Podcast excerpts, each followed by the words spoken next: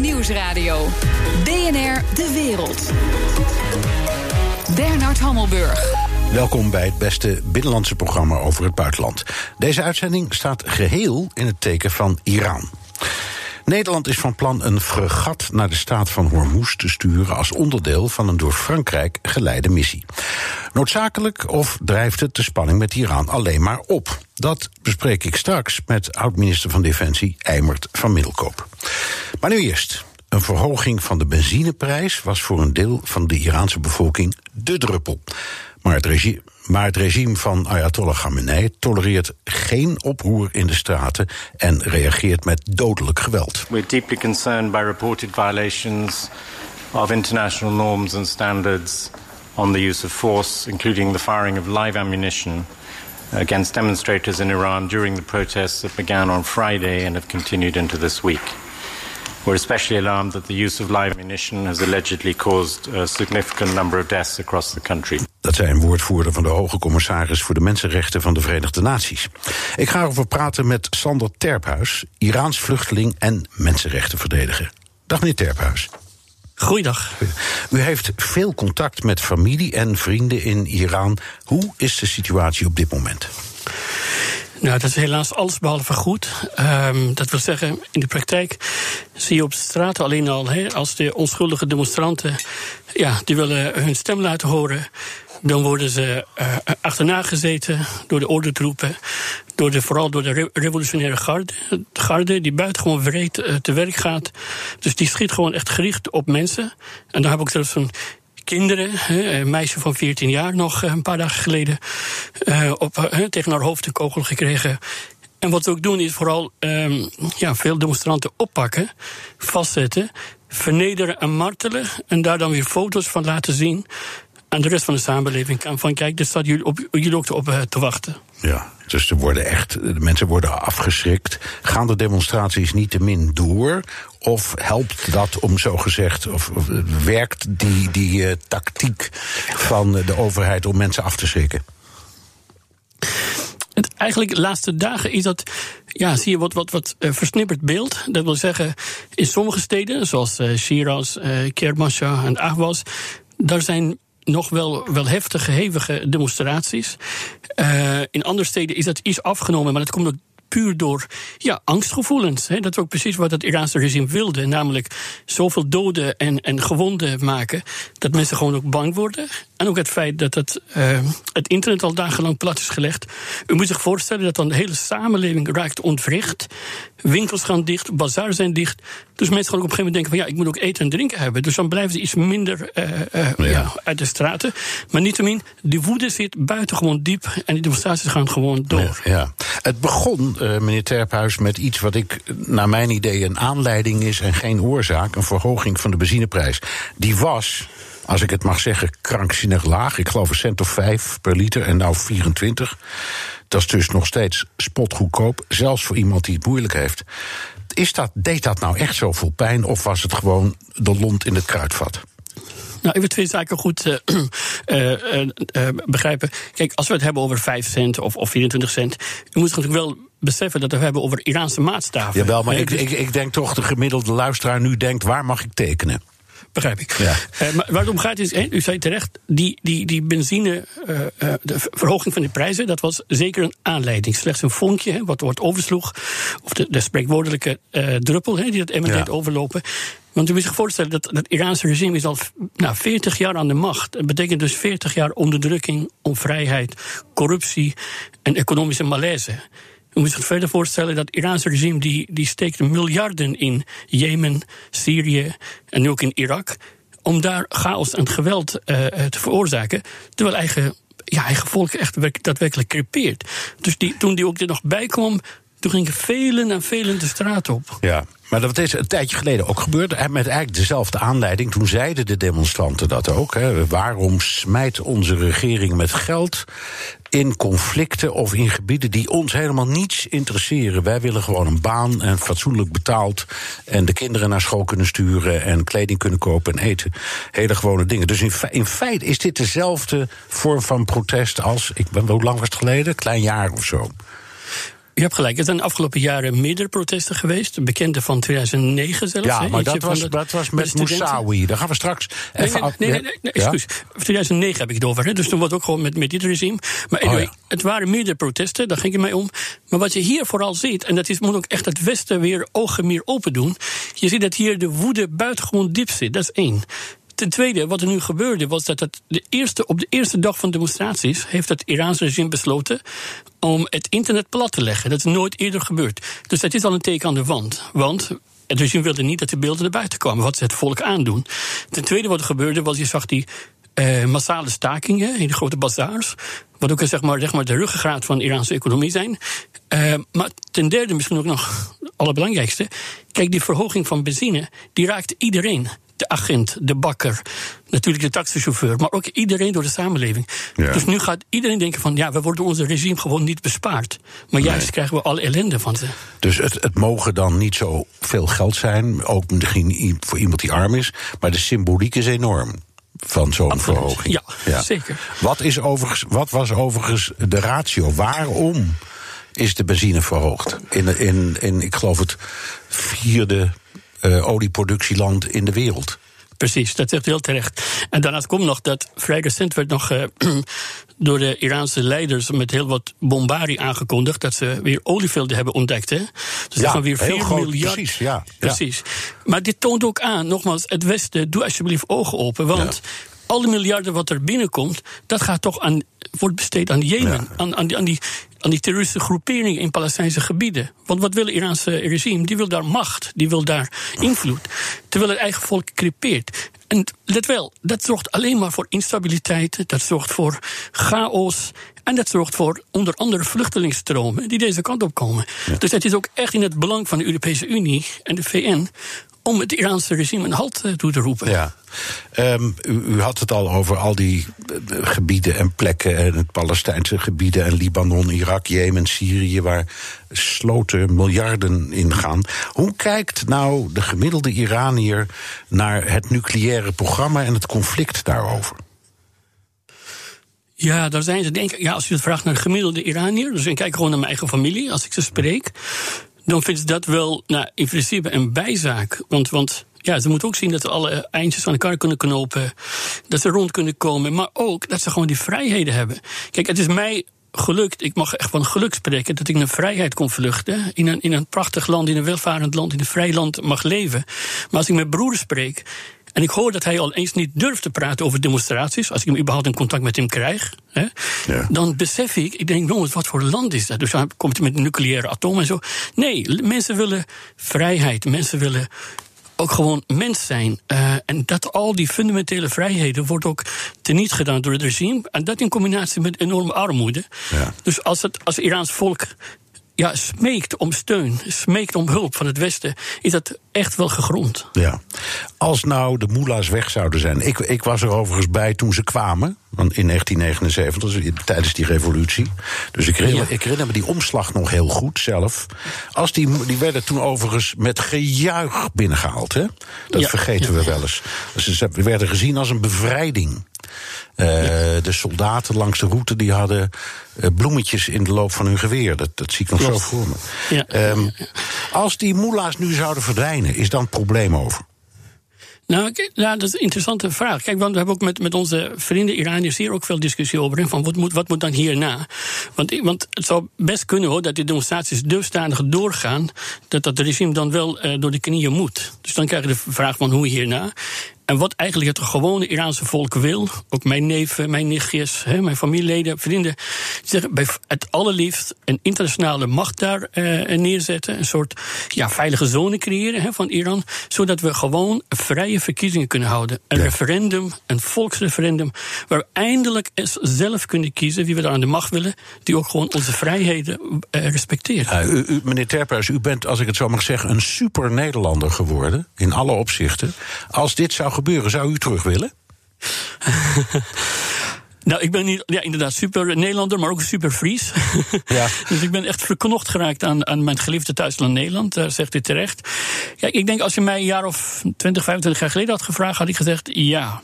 Ehm, maar zoals gezegd, ik ben Maar nou bent u van ons, zo gezegd. Nou, Ja. wat, ik- wat ik graag zou willen, wat ik graag zou willen, is. Ik heb ook wel eens e- echt wel vaker gezegd. van als dit regime hopelijk zo snel mogelijk verdwijnt. en daar ook een referendum komt. dat ik dan bijvoorbeeld mag meeschrijven aan een, aan een nieuw Iraans grondwet. Ja. Dat zou ik fantastisch vinden. Ja, ik zou dat zo graag. Ja, kan En dat ook, wat ik zeg, die vrijheden worden gerespecteerd. Dat de mensenrechten worden gerespecteerd. Dat ook mensen kunnen zijn wie ze zijn en die vrijheid kunnen leven. Want u moet zich voorstellen, nogmaals, generaties gaan verloren nu na 40 jaar onderdrukking. Dus we kunnen hier vanuit het Westen wel mond vol hebben van mensenrechten, vrijheden en al die mooie waarden. Maar zie, en vooral het Iraans volk, vergeet niet, hè, dat is een heel bewust volk. Dat is voor over het algemeen hoog opgeleid. Ja. En wat je nu ziet. Dat worden wetenschappers worden, worden, worden, worden doodgeschoten, eh, medici, van alles. Niemand ontkomt meer aan de kogels van het Iraanse regime. Zo dadelijk.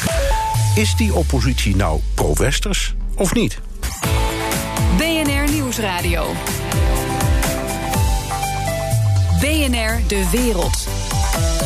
Mijn gast Sander Terphuis, Iraans vluchteling en mensenrechtenverdediger. Dan moet je eens met de Israëli's praten, dat is heel interessant. Iran en Israël zijn natuurlijk nu aardsvijanden. Maar wat zeggen veel Israëli's? Van ja, verdraaid. Stel nu dat dat Ayatollah-regime opkraast. Het zijn hoogopgeleide mensen. Het is een, een, een beschaving. Het is een cultuur met een enorme beschaving erachter. En ze lijken heel erg op ons. Iran zou als een van de meest democratische landen van het Midden-Oosten kunnen worden. Een voorbeeld voor de regio. Dat zei Jan van Bentum van het Nederlands Dagblad in het BNR-programma Boekenstein in de Wijk. Meneer Terpstra, bent u het eens daarmee? Is het, is het zo dat. eh, ik herinner me nog de periode dat die contacten met het Westen en met Israël, wat ook wordt genoemd, uitstekend waren. Zou dat kunnen terugkeren? Of is dit naïef van ons? Nee, ik denk dat het zeker niet, niet naïef is. Eh, wat hier wordt terecht wordt opgemerkt, Perzië eh, bevat enorm veel ja, rijk, is enorm rijk aan beschaving, aan cultuur en alle moois en de schoonheid. Wij zoeken ook heel graag de verbinding met het Westen, met Israël. Geloof me maar, als ik met familie spreek, die zeggen, nou ja, wat nou Israël of, of Amerika? De grootste vijanden zitten gewoon hier in Iran. Onze islamitische staat, die, ons, die in ons schiet en die ons ophangt. Dus Iraans, Iraans, of Iraans volk, moet ik zeggen, wil heel graag inderdaad aansluiting zoeken met het Westen. En dat die mooie waarden die wij ook zo voor staan. Ja. Ja, en toch, eh, dat is dan een beetje een cliché geworden. Maar dat middagmiddaggebed met dood aan eh, Amerika, dood aan Israël. Ja, Ja. daar staat toch zo'n hele groep mee te galmen. Is dat gewoon omdat het moet of wordt verwacht? Of dan Ik zou, ik, ja, Ik, ja. ik zou een voorbeeld geven. Begin dit jaar eh, eh, bestond eh, het islamitische regime 40 jaar. Hè. Er moest natuurlijk een groots worden gevierd hè, in de ogen van de leiders. Wat hebben ze gedaan? Ze hebben nu alle overheidsfunctionarissen verplicht in de bussen gestopt. Werkelijk. Er zijn allemaal bewijzen van. Die hebben ze naar de grote plein bij de Universiteit van Teheran gebracht. En zeggen: inderdaad, moet je dit of dat soort leuzen gaan, gaan roepen. Maar als je het aan het Iraans volk zelf laat, geen sprake van. Die willen het liefst zo snel mogelijk af van die mensen. Toch een beetje. U had het net over een, de opstand van, wat zei u, 2009 geloof ik, hè? Ja. Dan was daar vlak daarvoor, eh, nog in de tijd van Ahmadinejad, eh, ook een opstand, de Groene Revolutie onder leiding van Moussaoui. Ehm, dat was zelf een oud-revolutionair uit 1979. Hij was, nou, wat ik er toen van begreep, eigenlijk net zo anti-westers of anti-Amerikaans of anti-Israëlisch als de machthebbers van dat moment. Hij wilde alleen af van die machthebbers. Moet, is het niet zo dat een deel van de mensen die nu protesteren ook in die, die groep zitten? Begrijpt u wat ik bedoel? Dat wij begrijp- ons, dat, bedoelt, ja, dat ja. we ons Ja. niet rijk rekenen zoals Donald Trump doet. Van als we daar van binnenuit maar een revolutie veroorzaken, dan komt het allemaal goed en dan vallen ze ons in de armen. Ik geloof dat niet zo, meneer Terphuis. Kijk, eh, even we twee die goed begrijpen. Wij, wij leven inmiddels anno 2019. Eh er is echt wel iets veranderd. Eh, in het, ik, als u wat u nu zegt, had ik over een jaar of twintig geleden nog wel geloven, of 25, 30 jaar geleden. Maar wat ik zeg, inmiddels is het Iraanse volk zo vernederd en zo gekrenkt door het regime. Dat je hebt nu alleen maar één lagen, dat heet dan bij ons revolutionaire garde, dat doen wij Sepa Pastaran. Ja. Die, die hebben echt de macht, die zijn ook heel rijk. Die krijgen ook allemaal grote projecten, die, die zitten bij de hoogste laag qua. Ja, die, hebben ook, die hebben ook aandelen, of, eh, de aandelen in absoluut. ongeveer elke industrie die er is. Hè? Exact, Ja, exact. Als er bijvoorbeeld een spoorweg moet worden aangelegd, krijgen zij de projecten. Dit gaat helemaal nergens over. Alleen, die zijn er nodig voor de leiders om als erop aankomt op het volk te schieten. Dus met andere woorden, er is zoveel veranderd. Ik zou een concreet voorbeeld geven. Er is ook bewijzen van gekomen.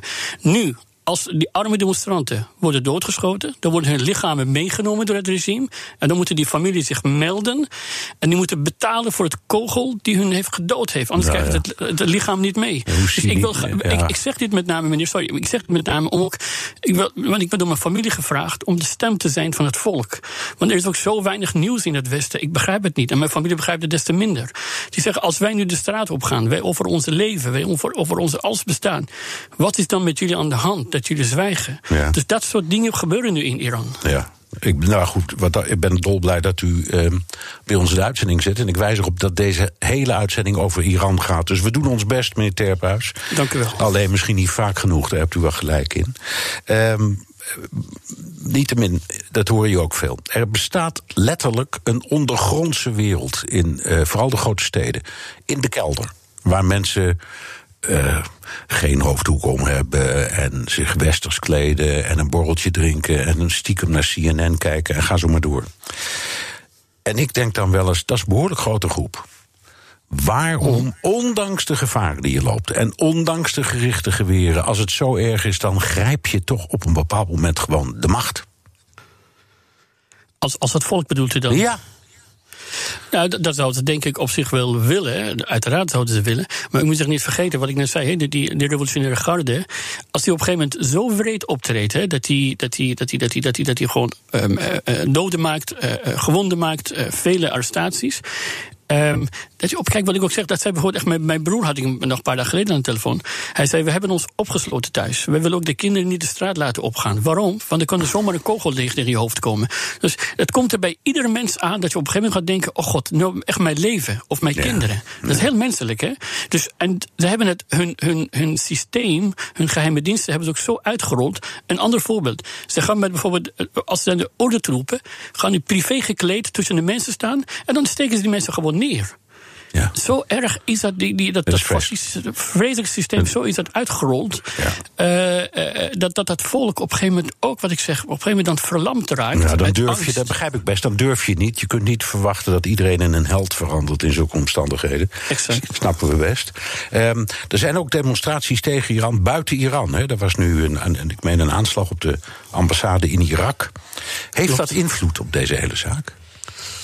Ik denk wel in zoverre invloed dat wij echt van ons moeten blijven laten horen. We moeten stem zijn van het volk, zeg ik nog eens. Ik denk wel heel blij, maar ook moedige Iraniërs. Vergeet niet, hè, dat is ook niet ongevaarlijk. Hè, want de, de, de lange arm van Teheran, die zit, u, weet dat, hè, in Den Haag werd iemand dood, een Iranier Zeker, doodgeschoten. tuurlijk. In Almere, Ja. in Berlijn, Frankrijk. Dus ook daar zijn ze, die geheime diensten, heel actief om Iraniërs die een beetje lastig zijn, om die uit te roeien. Letterlijk Ja. uit te roeien. Dus dat, dat Iraniërs desondanks de straat opgaan, vind ik moedig.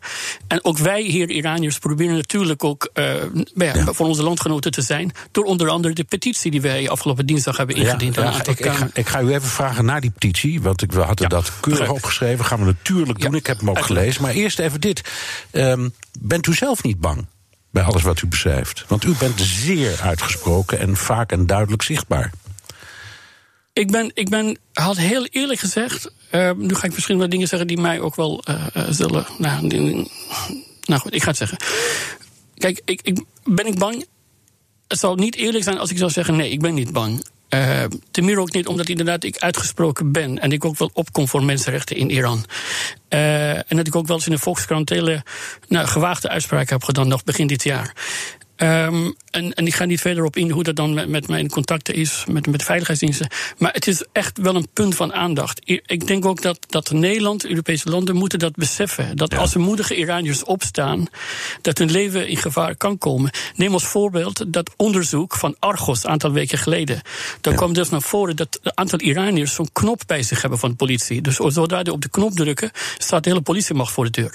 Dus er is echt iets aan de hand. En het kan niet zo zijn dat het Iraanse regime hier ons gaat tarten. Dat hij ons hier gaat beangstigen. Dat is onbestaanbaar. Nou, die petitie. Daar eindigen we even mee. Maar u krijgt eh, nou wel twee minuten de tijd om eens even precies uit te leggen. Waarom hebt u dat gedaan? Petitie aan de Tweede Kamer. Ehm, en beschrijf de inhoud. Ik las hem en ik dacht, er staat niets in waar ze geen ja op kunnen zeggen. Of wat niet radicaal, of wat radicaal is, wat dan ook. Leg even uit. Kijk, dat was een initiatief van, mij, van een aantal eh, landgenoten. Ehm, die heel goed werk hebben gedaan. Onder andere hè, Atife Bahodouri, ik noem haar naam, ze is een moedige dame. Die, uh, die heeft dat geïnitieerd. En ik werd erbij gevraagd van Sander, wil je meedoen? Ik zei maar natuurlijk. En we hebben daar ook onze zorgen heel bondig willen formuleren. Hè? U heeft dat gelezen. Ja. En we dachten, het kan toch niet zo zijn dat als je hier ziet, we zijn zo'n 30, 35.000 Iraniërs in Nederland, die doen allemaal goed werk voor onze samenleving, dat die zo bezorgd zijn en dat dan van de kant van onze volksvertegenwoordigers geen enkele stem of geluid komt. Dus we hebben dat afgelopen dinsdag aan, aan een aantal Kamerleden aangeboden. Ten eerste vond ik het bijzonder jammer dat er een aantal Kamerleden van wie ik echt had verwacht die er zouden zijn. Misschien konden ze niet, maar wat er echt niet was, bijvoorbeeld. Nou, ik had graag de SP daar gezien, ik had graag Partij van de Arbeid daar gezien, ik had graag de ChristenUnie daar gezien. Helaas, die waren er niet. En dan hebben we het aangeboden. Toen, is aange toen, werd gezegd, nou, we gaan bij zogenaamde regeling van werkzaamheden, gaan we daar een debat aanvragen. Want wat u zegt, die punten die daar staan, daar kun je haast onmogelijk tegen zijn. onder andere vrijlating van demonstranten, ja. weer, weer vrij internet. Maar wat gebeurde er? werd een debat aangevraagd. En wat ik echt schokkend vond. Als ik, als goed ben geïnformeerd, heel veel van die Kamerleden hebben dat niet gesteund. Er, er wordt eens niet over gedebatteerd in ons, in parlement. Tragisch.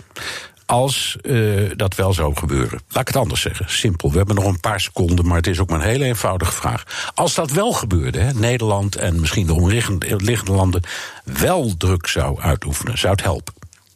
Ik denk het wel, ik denk het echt. En bijvoorbeeld begin maar bij, als we het hebben over de sancties, leg die sancties op die machthebbers, op die, op die, op die mensen die doden maken. Dus zet ze op de zwarte lijst, uh, leg ze inreisverbod, uh, bevries hun rekeningen. Ze hebben een enorme kapitaal in Genève, in Parijs. Ze hebben zoveel gelden. Pak hun aan zodat ze dat voelen. En laat het volk met rust. Dat is het hele principe wat nu ontbreekt en het Westen gewoon zwijgt. Het volk heeft onze steun hard nodig. Ik, ik ben blij, uh, Sander Terpenhuis, dat u uh, de moeite hebt genomen om dat nog allemaal eens met veel verve bij ons te vertellen. Sander Terpenhuis, Iraans vluchteling en mensenrechtenverdediger. Dank u wel. DNR Nieuwsradio. DNR De Wereld. Bernard Hammelburg. De Franse regering dreigt met de terugkeer van sancties tegen Teheran. Lang probeerde Frankrijk en andere Europese landen de Iran-deal te redden. Maar met de protesten in Iran en het bloedige neerslaan daarvan lijkt het laatste beetje Europese hoop te vervliegen. Europa-verslaggever Jesse Pinster. De Franse president Macron deed er juist alles aan om die Iran-deal te redden. Is hij van gedachten veranderd? Ze lijken zich in Parijs in ieder geval te beseffen dat wat ze tot op heden geprobeerd hebben niet lijkt uh, te werken. Jean-Yves Le Drian, de minister van Buitenlandse Zaken, die gaf een interview waarin hij zegt: ja, iedere twee maanden gebeurt er iets waardoor de Iran-deal beschadigd wordt. Tot op het punt waarop we ons moeten afvragen, en ik maak de zin even in mijn eigen woorden af, of het nog wel zin heeft om zo door te gaan, want hij belandde een beetje in een technisch verhaal daar. Maar het belangrijkste reden is natuurlijk dat Iran het nucleaire programma weer aan het opbouwen is, weer aan het opstarten starten is. Als reactie op Donald Trump, die uit de Iran-deal uh, is uh, gestapt. Ja, en in Parijs, maar ook in Brussel, daalt toch het besef in dat ze eigenlijk heel weinig hebben op dit moment om nog voor te strijden. Nu Iran die het nucleaire programma gewoon weer uitbreidt. Ja, er was natuurlijk dat vernietigende rapport van het atoomagentschap. Dat inderdaad iedereen die nog twijfelde daarvan af heeft geholpen. Maar nu die mm -hmm. protesten. Welke rol spelen de protesten in uh, Iran in de Franse overweging? Nou, het is een beetje de laatste ontwikkeling waar ze zich in Parijs zorgen uh, over uh, maken. Ook omdat je natuurlijk ziet dat die reactie van de regering van Iran heel gewelddadig is richting die demonstranten. Dus in Parijs zien ze ook eigenlijk, ja, moeten bijna de Amerikanen gelijk geven dat we als internationale gemeenschap harder moeten optreden tegen de machthebbers in Iran. Ja, en Le Drian noemt ook nog wel een paar andere punten. Want hij zegt, ja, iedere twee maanden gebeurt er iets. Dus hij noemt de aanvallen van Iran in de regio en in het bijzonder op Saoedi-Arabië. Dan doelt hij op die drone-aanval op die olieinstallaties op 14 september. Ja, van Aramco, ja, precies. Mm -hmm. ja. Hij noemt ook trouwens twee Franse burgers, twee wetenschappers, Roland Marchal en uh, Fariba Abdelka. Die zitten al sinds juni zitten die gevangen in Iran. En uh, dat is ook zeker in Parijs een overweging. En van ja, weer zo'n extra druppeltje. Waarom, waardoor die emmer lijkt over te lopen. In ja. Iran zeggen ze ja, die, die mensen zijn schuldig aan spionage. Collega's van deze mensen zeggen ze waren daar voor het suikerfeest. En ja, die protesten, ik zou zeggen, dat is de laatste druppel die ervoor zorgt dat die emmer nog net niet overloopt, maar heel, heel vol zit. Ja, jij uh, kijkt elke dag met je periscoop door de hele Europese Unie. Krijgt Frankrijk steun van andere Europese landen? Ja, toch wel. En belangrijk zijn Duitsland en het uh, Verenigd Koninkrijk in die context, omdat die echt nee, betrokken zijn bij die gesprekken en onderhandelingen met Iran, maar ook de EU via buitenlandvertegenwoordiger Mogherini. Die hebben al eerder in een verklaring gewaarschuwd eigenlijk richting Teheran van ja, het afbouwen van sancties, dat is bijna niet meer mogelijk als jullie doorgaan met deze dingen. Maar wat daar natuurlijk achter zit, is dat pijnlijk duidelijk aan het worden is dat de Europese Unie niet in staat is om dat akkoord te redden. Er zijn allemaal pogingen gedaan, want in ruil voor het afbouwen van het nucleaire programma zou Iran meer handel, de sancties zouden afgebouwd worden. Maar ja, omdat bedrijven heel erg afhankelijk zijn van het Amerikaanse financiële systeem om financiële transacties uit te voeren, dacht Europa, wij verzinnen een soort manier om daar omheen te lopen. Ja, dat is allemaal ja, mislukt, hè? Ja. ja. het effect is tot grote irritatie in Teheran eigenlijk zo goed als, als nul. Die irritatie hoorde je ook vandaag weer, want er kwam een reactie van een woordvoerder uh, van uh, de regering daar op de uitspraken van de Franse minister, die die trouwens onverantwoordelijk en niet constructief noemde. En daaraan toevoegde: ja, wij, Iran, zijn alleen maar met die nucleaire activiteiten bezig. als reactie op de Amerikanen die illegaal uit het akkoord zijn gestapt. en die Europeanen die hun afspraken niet aankomen. Oké, maar zie jij de Europese landen nou van het ene op het andere moment weer sancties invoeren? Niets gaat snel in Europa, dat weten we inmiddels, Bernard. Maar um, kijk, als het Waar ze dan uh, mee bezig zijn in Parijs en waar ze naar verwijzen, is het zogenaamde Dispute Resolution Mechanism. Dus een mechanisme om geschillen op te lossen. Dat is een vrij lange, ingewikkelde procedure met vele stappen erin. Maar als je die inzet, dan kan het uiteindelijk terechtkomen bij de VN-veiligheidsraad. En als ze nou daar niet instemmen met het verlengen van de afbouw van die sancties, dus de beloftes die ze aan Iran gedaan hebben, dan komen de oudere sancties uit eerdere VN-resoluties terug. Dat wordt het zogenaamde snapback-systeem genoemd. Nou ja, de kans dat als het bij de VN-veiligheidsraad terechtkomt, en dat gebeurt, is natuurlijk gigantisch groot. Want waarom zou Amerika onder Donald Trump ineens zeggen: hey, nou ja, laten we Iran toch maar eh, eens gaan helpen. En de eerste stap die mogelijk in deze richting gezet eh, gaat worden, dat is op 6 december in Wenen. Als alle partijen die hier onderhandelen bijeenkomen van hoe moeten we nu verder. Maar ja, het ziet er dan toch naar uit dat de EU, die zo ja, geliefde Iran-deal, die ze zo graag wilde redden, dat ze die langzaam maar zeker moeten gaan opgeven. Want ja. Uh, Trump die heeft het uh, uh, moeilijk gemaakt. De Iraanse regering maakt het onmogelijk met de stappen die ze zetten. En Europa is niet in staat om echt iets te doen. Dankjewel. Europa-verslaggever Jesse Pinster. The Donald Show. Tijd voor een update uit de United States of Trump met onze correspondent in Washington, Jan Postma. Jan, in Washington was op één plek heel duidelijk te zien dat de verhoudingen tussen de VS en Iran al heel lang heel slecht zijn. Ja, ik uh, fiets er wel eens langs, Bernard. Het is aan de Massachusetts Avenue in een hele chique uh, uh, buurt hier in Washington. Met, met al die ambassades. Ja, ja precies, ja. dat is hem. Ja, naast die van Zuid-Afrika, tegenover die van Italië. En sinds 1980 staat daar al één gebouw leeg. En dat is de voormalige Iraanse ambassade. En ja, sinds de diplomatieke banden zijn verbroken, wordt het gewoon niet meer gebruikt. En ja, dit vindt president Trump vast niet leuk. In de VS, de VS is verplicht om het gebouw te bewaken en te onderhouden. Dus al sinds de jaren 80 wordt het gras gemaaid. Uh, de bomen uh, worden bijgehouden door de National Park Service op Amerikaanse kosten. Um, en uh, dat, dat gebouw dat speelde zelfs dit jaar een rol in een filmpje van Trumps speciale vertegenwoordiger voor Iran. Dit is Brian Hook. En die staat op de stoep van de ambassade. En hij legt eruit dat hij ook heel graag zou willen dat de ambassade weer open zou kunnen voor het Iraanse volk. We look forward to the day when we can return the keys of this embassy to a truly representative Iranian government that is motivated not by a hateful, antiquated, revolutionary ideology, but by the interests and the will of the great Iranian people.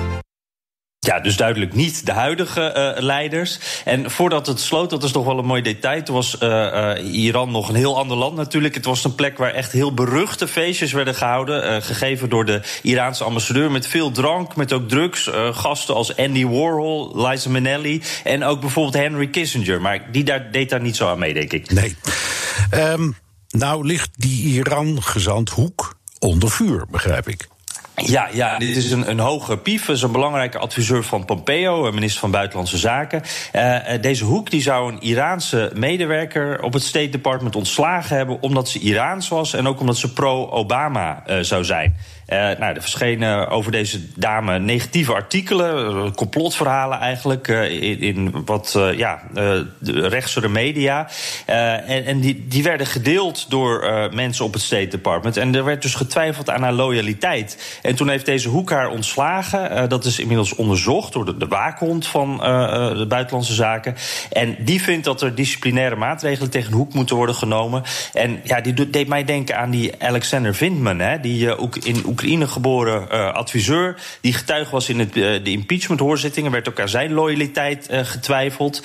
En ook die voormalige Oekraïne-ambassadeur Jovanovic, die ook getuigde. En ook door complotverhalen uiteindelijk eruit werd gewerkt. Dus een beetje hetzelfde soort verhaal. En, en zo lukt het jou, Jan Postma, om ons toch weer bij de impeachment te krijgen. Hè? Daar ja. gebeurt van alles. maar ja, jij wil het even hebben over Rudy Giuliani, neem ik aan. Ja, inderdaad. Ja, de, de, de, New York Times en de Wall Street Journal die, die berichten deze week dat Giuliani, uh, uh, terwijl hij dus bezig was om Oekraïne zover te krijgen om een onderzoek naar de beiders te verzamelen, hij ondertussen ook voor tonnen aan opdrachten probeerde binnen te halen, betalingen bij Oekraïense ambtenaren. En ja, Giuliani is natuurlijk het middelpunt van dat impeachmentonderzoek. Hè. daarnaast loopt er ook nog een FBI-onderzoek naar hem. Dat bekijkt of hij ook namens Oekraïne heeft gehandeld, dus als een soort lobbyist, een soort.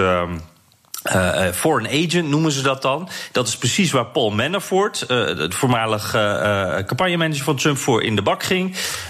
dus die Giuliani die zit echt in de problemen. Ja, want je moet je registreren bij het State Department. Doe je dat niet, dan bedrijf je een misdrijf. Dus exact. Nou, Giuliani zit in de problemen. Duidelijk. Wat zegt Trump? Nou ja, die doet wat hij eigenlijk uh, wel vaker doet in zo'n situatie. Deed hij ook bijvoorbeeld met zijn, zijn uh, toenmalige advocaat Michael Cohen. Hij, hij, zegt eigenlijk, ik ken hem eigenlijk niet zo goed. Uh, ik, ik neem, hij neemt afstand van Giuliani. hier bijvoorbeeld Trump in gesprek met Bill O'Reilly. What was Rudy Giuliani doing in Ukraine on your behalf? Well, you have to ask that to Rudy, but Rudy, I don't, I don't even know. I know he was going to go to Ukraine, and I think he canceled the trip. Uh, but you know, Rudy has other clients other than me. I'm one. So you didn't you didn't direct him to go there on your behalf. You no. didn't. Zo. Ja, uh, ja. ja dat, dat, is onder de bus gooien, zeggen we dan. Hè? Ja. Uh, Giuliani zei trouwens eerder zelf... Uh, Trump moet mij niet laten vallen, want ik heb een verzekeringspolis. Maar toen moest hij van zijn advocaat dan weer naar Trump gaan bellen... om te vertellen dat dat een grapje was, dat dat toch echt niet zo bedoeld nee, was. want dat is een dreigement, ja. Ja, inderdaad, dus dat is ook weer niet handig. Ach, ach. Dan te bedenken dat Giuliani zelf ook advocaat is. Nou. Je kunt het niet verzinnen als je een speelfilm zou willen maken. Dankjewel, nee. dankjewel Jan Postma, onze correspondent in Washington. En voor wie, net als ik en Jan maar geen genoeg kunnen krijgen van dat fascinerende land, luister dan naar onze Amerika-podcast. Zo dadelijk, Nederland wil een fregat naar de staat van Hormuz sturen als onderdeel van een Franse missie. Of dat slim is of juist escalerend kan werken, vraag ik dadelijk aan oud-minister van Defensie Eimert van Middelkoop. BNR Nieuwsradio. BNR De Wereld. Een Nederlands fregat moet er vanaf januari als onderdeel van een Franse missie voor gaan zorgen dat de koopvaardij weer rustig door de onrustige straat van Hormuz kan varen. De Nederlandse marine gaat toch deelnemen aan een missie in de Persische Golf om te voorkomen dat olietankers daar worden aangevallen. Ingewijden bevestigen dat er een Nederlands fregat in januari voor een periode van een half jaar naar de straat van Hormuz gaat. En die missie komt dan onder leiding van de Fransen te staan. En nu hopen de Fransen dat meer landen zich zullen gaan aansluiten. Ik ga erover praten met Eimert van Middelkoop, oud-minister van Defensie namens de ChristenUnie. Dag meneer Van Middelkoop. Dag meneer Helmenburg. Uh, even een simpele vraag. Is het een goed idee om dat uh, te sturen als, wacht even, het moet nog even door, door het kabinet hè, en dan door de Tweede Kamer. Maar even los daarvan, goed idee? Nou ja, dat soort besluiten gaan nooit even door een kabinet en door de Tweede Kamer. Maar um, ik weet niet of het zo'n goed idee is, maar ik denk dat het bijna onvermijdelijk is om uh, als Nederland hier een bijdrage aan te leveren. Uh, er liggen uh, drie verzoeken bij Nederland op dit moment om een operatie, om een bijdrage te leveren. In, in, in Mali, in Syrië en deze. die eerste twee zijn om verschillende redenen erg onaantrekkelijk. Het blijft over de derde. Dan wordt het lastig internationaal politiek voor een land als Nederland om ook weer nee te zeggen. Kom bij dat ook de Amerikanen, de Engelsen, de Fransen natuurlijk weten dat Nederland een voortreffelijke marine heeft. Uh, met hele goede schepen die je goed kan gebruiken. Uh, die ook getraind zijn. Denk aan, aan de afgelopen tien jaar dat Nederland, de Nederlandse marine een bijdrage heeft geleverd aan de bestrijding van piraterij. Uh, een beetje Somalië, in, ja, natuurlijk. Ja. Zeg dan maar eens een keer nee. Dus ik denk dat het wel goed is. Vooral ook omdat het onbestaanbaar is dat landen als Amerika, maar ook Europese landen, niet zouden reageren als uh, wat is gebeurd. Als er schepen worden aangevallen in de straat van Hormuz. En als er zelfs eentje in brand wordt geschoten. Ja, we gaan even van. Niet, we gaan even van gaan en niks doen. Nee, we gaan even van verschillende kanten naar kijken. In de eerste plaats, Nederland heeft geen conflict met Iran. Ja, er zijn wel toestanden en er is een aanslag geweest in Den Haag, dat weet ik allemaal wel. Maar we hebben formeel geen conflict. Nou sturen we een oorlogsschip. Dat is dan toch een provocatie. Nee, uh, nou ja, dat hangt een beetje van de perceptie van Iran af. Nou, daar ga ik maar even vanuit voor het gemak. Ja. Uh, brengen. Uh, maar kijk, het feit dat Nederland en Iran geen conflict hebben, zegt natuurlijk niet zoveel. Je, je leeft in een internationale wereld met allerlei machtsverhoudingen. waar Iran om redenen van de nucleaire deal, om redenen van de angst dat ze de straat van Hormuz schepen beschieten, natuurlijk wel degelijk een, een belang heeft. Uh, direct daarnaast is er ook het belang van de vrije zee, van de vrije doorvaart van de koopvaardij. Ook dat is een Nederlands belang en een Frans en Amerikaans enzovoort enzovoort. Uh, en dat rechtvaardigt wel degelijk uh, het leveren van een, een, van, van een vorm van beschermingscapaciteit. Nee. Want het is geen interventie in, in Iran. Er is ook geen aparte resolutie van de Veiligheidsraad voor nodig als die er al zou kunnen komen. Het is uh, datgene doen wat onder het zeerecht uh, volledig geoorloofd is. Namelijk het beschermen van de koopvaardij. Ja, ja, in dit geval met militaire capaciteiten. Precies, en dat ding dat vaart erin helemaal door internationaal water. Blijft daar in de straat van Hormuz ook in internationaal water. Dus u hebt gelijk, er is strikt genomen, is dat geen interventie. Dat is, dat is helemaal waar. Nee. Maar nou het volgende. Weer even door de ogen van uh, Iran, want dat zei u terecht net, en dat doen we even. Nou komt er een Nederlands schip. Er was een tijdje geleden een Amerikaans verzoek om mee te doen aan zoiets dergelijks hebben we afgewezen. Dat vond Nederland niet handig om allerlei redenen, is best begrijpelijk. Maar nou doen we het toch weer door Iraanse ogen. Dat is toch één pot nat. Amerika, Nederland, kom op zeg. Wat is het verschil? En dat is het in zekere zin ook, omdat het doel. Althans, het doel op papier hetzelfde is. Uh, kijk, waarom wilden wij niet met de Amerikanen meedoen? Omdat het bij de Amerikanen ook ging om druk uit te oefenen op Iran in verband met de nucleaire deal. Ik lees in kranten dat de Nederlandse regering zegt het gaat niet om druk op Iran. Ja, dat is diplomatiek en uh, taal en misschien ook wat naïef. Maar natuurlijk zal Iran dat wel zo percipiëren, want er komt een vloot. Uh, of eigenlijk twee vlootverbanden. één onder leiding van de Amerikanen en één onder leiding van de Fransen. Twee vlootverbanden van misschien wel twintig landen. die komen bij de voordeur van Iran te liggen. Ja. En als ik, en als, dat, als ik, dat, mag u, dat zullen zij zeker een provocatie vinden. Ja, en als ik Gamenei heet, dan denk ik dat nogmaals, dat is allemaal hetzelfde. Dat is allemaal gewoon. Uh, ja, uh, dus, dus gaat het erom dat je wel, als je het doet, dat je het geloofwaardig doet. Uh, zeker militair geloofwaardig. Uh, en dat is natuurlijk wel het geval met, met deze militaire opbouw van, twee, van twee missies. Ja, en nu, u zegt het is een beschermingsmissie. het valt onder het internationale zeerecht, allemaal waar. Niettemin, een oorlogsschip is een oorlogsschip en loopt per definitie altijd gevaar. Dus hoe ziet u dat? Gesteld dat we te maken krijgen met Iraanse agressie, met die beruchte speedbootjes die ze gebruiken om, om schepen te rammen. Er kan van alles nog wat gebeuren. Ja, overigens, het is niet zo dat een oorlogsschip per definitie gevaar loopt. Want we hebben diezelfde schepen ook ingezet bij de bestrijding van piraterij. En daar, was het gewoon buitengewoon effectief. Maar dit is anders, omdat de, de revolutionaire, garde, uh, revolutionaire garde heeft zijn eigen marine, heeft zijn eigen schepen, zijn getraind in de straat van Hormuz. Uh, en kunnen, als ze echt zouden willen, kunnen ze echt zeer beschadigend uh, werken, ook naar een Nederlands schip. Maar als Nederland daar operationeel actief is, dan maken we natuurlijk uh, uit, deel uit van een internationaal vlootverband. En is het natuurlijk ondenkbaar dat als een Nederlands schip iets zou overkomen, de anderen niet zouden reageren. Daarom nee. denk ik dat het heel verstandig is, want we kennen de brief van het kabinet nog niet, om goed te lezen en ook laten de Kamer zoals zijn werk moeten doen. Van wat er nou staat op het punt van de commandovoering, de afstemming van beide missies. Uh, is een aanval op een Nederlands schip uh, tevens een aanval op de Amerikanen. Daar moeten we wel helderheid over krijgen. De rules of engagement. Dus daar liggen nogal veel vragen ja. ter beantwoording. Zeker. Um, en ik, ik denk wel dat de Kamer dit zal accepteren. Uh, maar zowel de uh, binnenlandse politieke situatie in Iran, nou daar bent u al een half uur mee bezig of langer, uh, als ook de, ook de buitenlandse politieke situatie, wordt natuurlijk steeds ongewisser. Ja. Uh, dus, um... nou, wat betreft die commandostructuur hebben we één aanwijzing van, ik meen Reuters, die had een heel groot verhaal dat de Fransen dit allemaal organiseren, maar dat ze dat ook doen vanuit hun grote uh, basis die ze hebben in, ik meen Qatar of Abu Dhabi, die wil ik even afwezen, maar ze, ze, ze hebben daar al een hoop en daar wordt het dan aan toegevoegd. Dus ik kan me ja, voorstellen, ik kan me voorstellen dat. dat. Het is eerst geprobeerd om het met de Europese Unie te doen. Ja. Dat is niet gelukt. Daar kan ik me ook wel iets bij voorstellen. Vind ik ook niet zo belangrijk. Is in zekere zin wat we dan altijd noemen een coalition of the willing.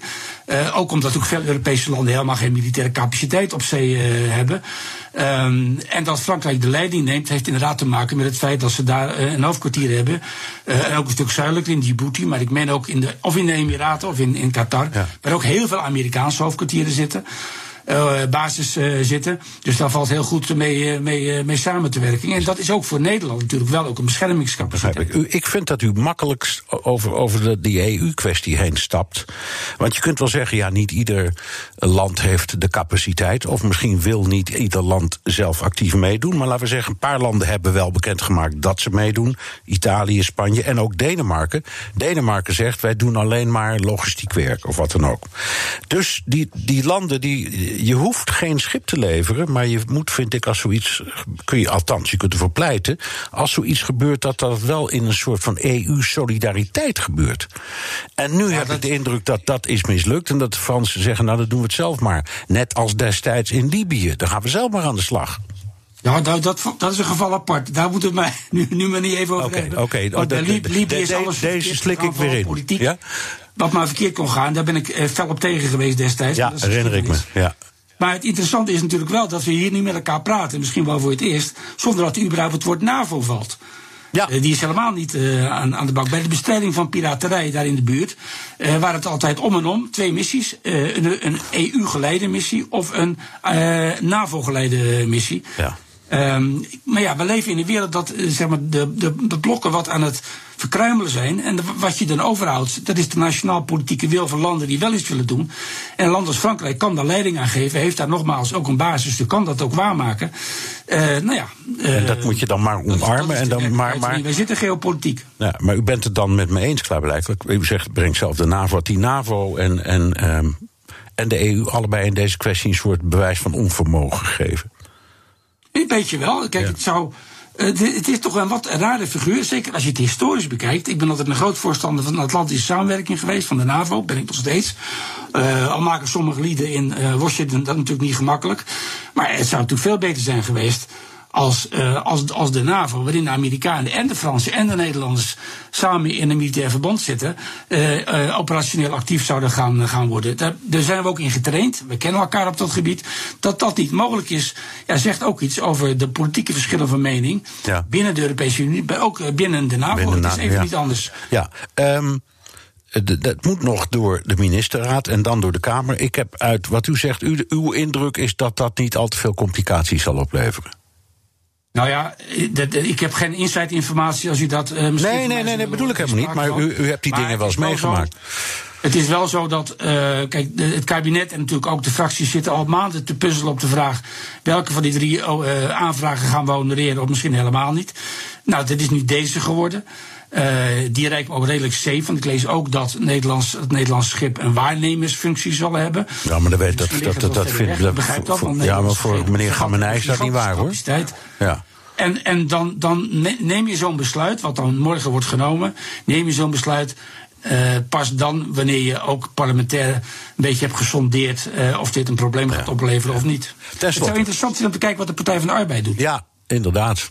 Um, dat, ja, maar goed, ja, maar het gaat om. om bij, bij dit soort dingen is altijd de bedoeling dat je een ruime Kamermeerderheid krijgt. Hè? Niet net op het zeker, randje. Ja. Zeker, dat, dat is zeker. Dat is in het belang van, van de missie, is in het belang van, uh, ook van de militairen. Ik weet zelf uit ervaring, uh, mijn Afghanistan-ervaring zeg ik dan maar, dat uh, ook militairen het prettig vinden als, als meer dan twee derde, of een, van een open grote meerderheid van het parlement uh, achter hen uh, staat. En daar probeert het kabinet ook zoveel mogelijk te werven bij ja. niet-coalitiepartijen. En dat zal nu ook wel gebeuren. Ten slotte even iets heel anders. Afgelopen week is er nogal wat voorgevallen tussen twee defensieministers die na u kwamen. Ank Bijlerveld nagelde publiekelijk Janine Hennis aan de schandpaal.